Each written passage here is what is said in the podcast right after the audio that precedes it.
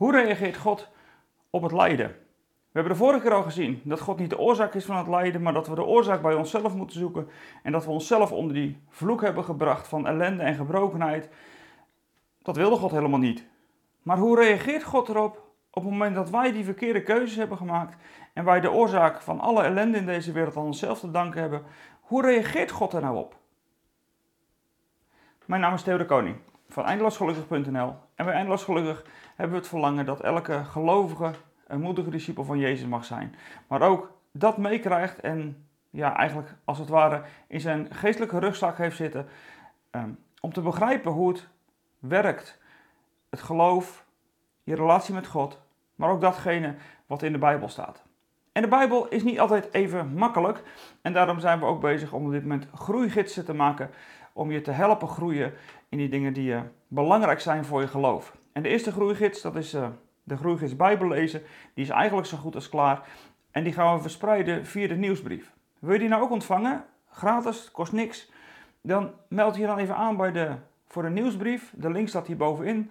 Reageer daar, daar even, klik daar even op en dan kun je je aanmelden voor de nieuwsbrief. Nou, dan uh, krijg je uiteindelijk de Groeigids Bijbel lezen vanzelf. En ik heb een hele mooie manier gevonden om de Bijbel dieper tot je te laten doordringen. Nou, daar later nog wel een keer meer over. Ik wil nu met je nadenken over die vraag: hoe reageert God nou op het lijden? Kijk, als wij de oorzaak zijn van het lijden, dan kan God natuurlijk een paar dingen doen. Ik vergelijk het wel eens met uh, kinderen die met Lego spelen. En misschien heb jij dat ook al gedaan. Ik denk ongeveer 90% eh, van de kinderen doet dat. En dan heb je een prachtig mooi bouwwerk van Lego gemaakt. En dan kom je broertje of je zusje voorbij. En die geeft er een klap tegen en je kan weer opnieuw beginnen. Wat is nou jouw reactie daar dan op? Nou, een doorsnee reactie van een kind is natuurlijk dat hij boos wordt, dat hij gaat huilen, gaat schreeuwen en tekeer gaat. Nou, je weet hoe dat gaat. Zo had God kunnen reageren. God had kunnen zeggen, toen Adam en Eva, toen wij als mens uiteindelijk ervoor kozen om niet naar hem te luisteren, en dat is de uiterste consequentie van Gods liefde. God wist dat als ik een mens een vrije wil geef om mij te dienen en lief te hebben, dan kan hij het ook niet doen. Dat was de uiterste consequentie. Hoe reageert God daar nou op? Nou, hij had natuurlijk gewoon kunnen zeggen: Nou, ik stop er gewoon mee. Ik begin opnieuw. Ik schud deze hele aarde leeg. Ik verbrand hem. Weet ik wat. Maar in ieder geval, hij had helemaal opnieuw kunnen beginnen. Maar dan was het probleem. Nou ja, probleem. Ja, dan was het probleem niet anders geweest. Want dan had hij opnieuw mensen gemaakt met een vrije wil om hem te dienen. En dan was waarschijnlijk de kans groot geweest dat er gewoon hetzelfde gebeurt. Omdat die mens dan misschien opnieuw tegen hem zou kiezen. God begint dus wel op, hij begint straks wel opnieuw. Hij geeft straks een nieuwe hemel en een nieuwe aarde. Maar wel met de mensen die hij vanaf het begin heeft gemaakt en gewild. En die mens die door het geloof hem is gaan liefhebben, die mens die wil straks niet meer zondigen. Het is natuurlijk een heel groot wezenlijk verschil. Straks als alle dingen nieuw zijn, dat de mensen die daar zijn niet meer willen zondigen. Dan werkt die vrije wil heel anders, want dan is die geheiligd en toegewijd aan God. Omdat we dan hebben gezien wat God voor ons over had. En dan wordt onze eeuwige reactie hem dienen en aanbidden. Maar zover zijn we nu niet. We zitten nu in die periode vanaf zeg maar Genesis 3 tot dat moment dat alle dingen nieuw worden. En die periode is nu al 6000 jaar. En na 4000 jaar heeft God natuurlijk wel gereageerd door Jezus te sturen. Maar er gebeurt al eerder iets wat heel duidelijk maakt hoe God nou omgaat met het lijden. En hoe hij daarop reageert. Want hij reageert namelijk op het lijden. Het raakt God in het diepst van zijn wezen dat wij lijden in gebrokenheid, ellende, strijd, oorlog, ziekte. Dat raakt God. En als je dat nou ergens duidelijk maakt, dan kun je zeggen, ja, dat, dat, dan reageert God met een reddingsplan. Dat doet hij in Genesis 3 natuurlijk. Dan zegt hij, er zal een zoon uit je voortkomen, die zal uiteindelijk die slang de kop vermorzelen. En dan gaat het over de redder, over de Messias, over Jezus. Dat is het reddingsplan wat God natuurlijk belooft. Alleen voordat dat reddingsplan er echt komt, moet die mens uit het Oude Testament nog 4000 jaar wachten. En het is goed om daar nou eens naar te kijken hoe God dan omgaat met de ellende die er op deze wereld is. Want God doet namelijk iets. En dat lees je in Exodus 3. Ik vind het, het een van de mooiste hoofdstukken uit de Bijbel om duidelijk te maken wat het nou met God doet dat wij hier op aarde lijden en in de gebrokenheid zijn. En dan zit Israël in het land Gozen. Jozef heeft Israël en eigenlijk de hele wereld op dat moment gered van die, van die hongersnood. En ondertussen is Jozef gestorven. En de farao die Jozef had aangesteld is ook gestorven. En niemand weet meer iets van Jozef. Dan zijn we ondertussen al heel wat jaren in dat land Egypte met Israël. 480 jaar. Op de dag af staat er. En vlak voordat ze uit Egypte weggaan, dan zoekt God Mozes op en geeft hij Mozes de opdracht om Israël uit de slavernij te halen. En dan moet je even meelezen wat God dan zegt. Dat gebeurt er bij die brandende braamstruik. En als je in Exodus 3, vers 7 leest wat God dan doet en zegt, dan maakt dat duidelijk hoe God reageert op jouw lijden en op mijn lijden, op ons lijden. Luister, Exodus 3, vers 7. En de Heer zei, en dan Mozes is dan bij die brandende braamstruik aangekomen, en de Heer zei, ik heb gezien hoe ellendig mijn volk er in Egypte aan toe is. En ik heb hun jammerklachten over hun onderdrukkers gehoord en ik weet hoe ze lijden. Daarom ben ik afgedaald om hen uit de macht van de Egyptenaren te bevrijden en om hen uit Egypte naar een mooi en uitgestrekt land te brengen. Een land dat overvloeit van melk en honing. Het gebied van de Canaanieten, de Hethieten, de Amorieten, de Perizieten, de Shiwieten en de Jebusieten. De jammerklacht van de Israëlieten is tot mij doorgedrongen. En ik heb gezien hoe wreed de Egyptenaren hen onderdrukken. En daarom stuur ik jou naar de farao. En jij moet mijn volk, de Israëlieten, uit Egypte wegleiden. Wat zegt God dus? God zegt: Ik heb in de hemel niet zomaar stilgezeten. Ik heb van boven naar beneden gekeken en ik heb gezien hoe het volk Israël, wat hij voor zichzelf had uitgekozen om daar uiteindelijk de Messias uitgeboren te laten worden. Hij ziet dat beloofde volk voor de beloofde redder lijden in het onrecht in Egypte. En wat doet God dan? Dan zegt hij: Ik heb die ellende gezien en daarom ben ik neergedaald. God daalt dus neer in je ellende. Dat is het karakter van de God die liefde is. Je kan wel zeggen, ja, maar God kan ook dingen oplossen. Jazeker, daar komen we nog wel op. Want straks in het Nieuw Testament zie je natuurlijk allemaal lichtstralen van die toekomende tijd. In de wonderen en tekenen die gebeuren. In het Oude Testament zie je dat wat minder, maar is dat er ook wel? Alleen, dat klinkt wel heel goedkoop als jij in een bepaalde vorm van lijden zit, of ziekte zit, waar dat nu niet gebeurt. En dan vind ik het veel te goedkoop om gelijk daar maar naartoe te rennen. En dan te zeggen van ja, maar bij God is alles mogelijk hoor. Ja, amen. Bij God is alles mogelijk. Dat twijfel ik geen moment aan. En ik geloof dat God wonderen doet. Maar hij doet het niet altijd. Want we leven nog steeds in een gebroken wereld onder de vloek van onze verkeerde keuzes.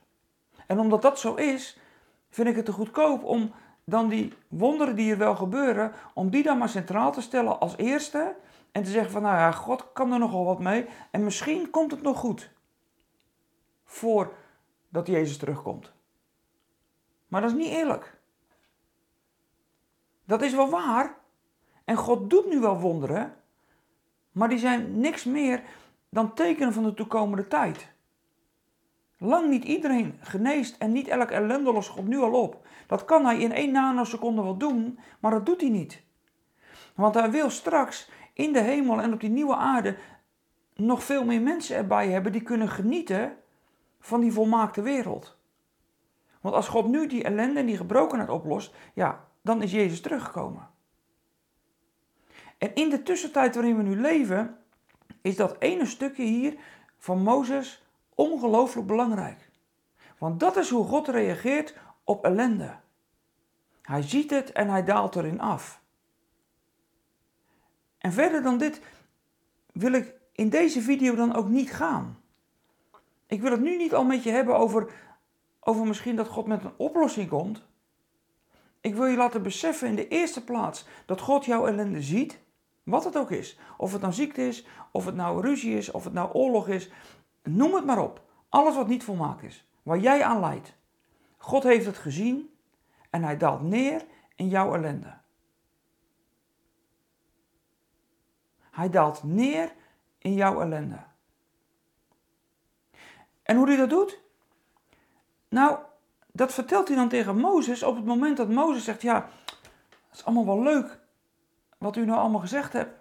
Maar als ik nou bij mijn volk kom en ik zeg tegen die mensen: De God van uw voorouders heeft mij gestuurd. En ze zeggen tegen mij: Wie is die God eigenlijk? En dan zegt God het volgende. Toen antwoordde God hem, en dat is vers 14 van hoofdstuk 3, Exodus 3. Toen antwoordde God hem: Ik ben die er zijn zal. Zeg daarom tegen de Israëlieten: Ik zal er zijn, heeft mij naar u toegestuurd. Je zou het nog anders kunnen vertalen en kunnen zeggen: Ik zal er zijn, kun je ook vertalen met: Ik zal er zijn zoals ik hier ben. Fysiek, letterlijk, weliswaar in dat vuur van die braamstruik, of die doornstruik, net hoe je het wil vertalen, weliswaar geestelijk en fysiek, maar op een bepaalde manier, want God laat zich hier niet helemaal zo zien. Dat kan niet, hij is een geest, maar hij is in die situatie. En God is dus in jouw situatie. Ik kom als mensen tegen die zeggen, ja, de hemel lijkt wel van koper. Ik kom dat in de Bijbel niet tegen. Ik weet niet waar die uitspraak vandaan komt, maar ik kom het in de Bijbel niet tegen. God zegt dat Hij in jouw ellende is, in jouw gebrokenheid. Dat is een waarheid die je moet omarmen. Dat zelfs als je mensen verliest die jou dierbaar zijn, dat zelfs als je door de moeilijkste dalen en de grootste ellende heen gaat, dan moet je dit beseffen dat God daarin nabij is. Hij is erin. Hij daalt daar vooraf naar beneden. En dat laat hij in Jezus in het Nieuwe Testament nog veel meer zien. Dan komt hij letterlijk naar beneden en laat hij al iets van die toekomende tijd zelf zien. God daalt neer in onze ellende. En als er nou één man in de Bijbel is die dat heel goed begrepen heeft hoe dat nou werkt, dan moet je bij David wezen. Mozes begrijpt hier nog weinig van. En misschien is het heel lastig om dit heel concreet te maken. Maar dan moet je gewoon eens even doorbladeren naar Psalm 23. Pak Psalm 23 er maar gewoon bij. Want Psalm 23, daar maakt David precies duidelijk hoe dat nou is. Psalm 23 is natuurlijk geen makkelijke psalm. Dat lijkt wel zo. Een herder en lief en aardig en uh, de Heer is mijn herder, ja ja. Maar het is geen makkelijke psalm. Want David gaat daar in die psalm niet door makkelijke tijden heen. Hij zegt natuurlijk al, de Heer is mijn herder. En hij, zegt, hij heeft het wel over, hij laat mij rusten in grazige weiden en hij, hij brengt mij aan stille wateren. Maar de werkelijkheid is dat David zegt, al gaat mijn dal, vers 4 van Psalm 23, al gaat mijn weg door een donker dal, ik vrees geen gevaar. Eigenlijk staat er, al ga ik door een dal vol schaduw van de dood. Dus al komt de dood mij zo dichtbij dat hij zelfs zijn slagschaduw daarvan over mij heen valt. En dan zegt David, en dan bent u bij mij. Dan is hij erbij. Waar moet je God zoeken? Als je door een moeilijke periode heen gaat, met ziekte te maken krijgt, waar moet je God zoeken? In jouw situatie. Dat is wat David zegt. David zegt, God is erbij. God daalt neer in de gebrokenheid, in de ellende. En dan zegt hij in Psalm 23, want u bent bij mij. Dat is de belangrijkste zin uit de hele psalm. Als je hem uit elkaar haalt uit het Hebreeuws, is het middelste van de psalm. Het belangrijkste wat deze psalm ons te zeggen heeft. Dan heeft hij het over vijanden, dat komt hij nou nog. Hij maakt niet de makkelijkste tijd in zijn leven door. En in die moeilijke tijd van zijn leven weet hij één ding: God is erbij. God is neergedaald in mijn gebrokenheid en in mijn ellende. Hij weet ervan en hij is bij mij. Ik ben dus niet alleen. En waar moet je dan God zoeken? In al deze ellende? Ja, in jouw situatie dus. Want daar daalt God in neer. En daar maakt hij zich bekend met zijn naam. Ik zal er zijn. Weet je, God kan elke gebrokenheid oplossen. Maar dat doet hij in de tussentijd waarin we nu leven niet. Maar hoe moet jij dan omgaan met het lijden en hoe moet je dan naar God blijven kijken? Nou, zoals David dat hier jou leert. En zoals dat God het zelf zegt tegen Mozes. Hij daalt neer in je gebrokenheid. Hij komt naar je toe en is bij je.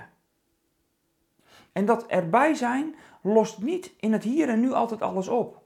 Dat kan wel, maar dat gebeurt lang niet altijd.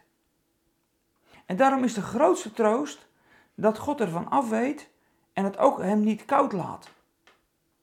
Als je naar het karakter van God wil kijken, hoe dat, hier dan, hoe dat dit bij God van binnen werkt, dan moet je eigenlijk naar Jezus kijken.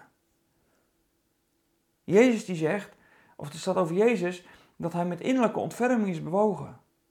Daar staat eigenlijk het woordje tot in zijn ingewanden. Dat is hoe God jouw ellende beleeft. Het raakt hem. Het, het laat zijn ingewanden in beweging komen. En weet je, dan kun je daarna wel verder kijken van wat kunnen we dan nog doen in deze tijd.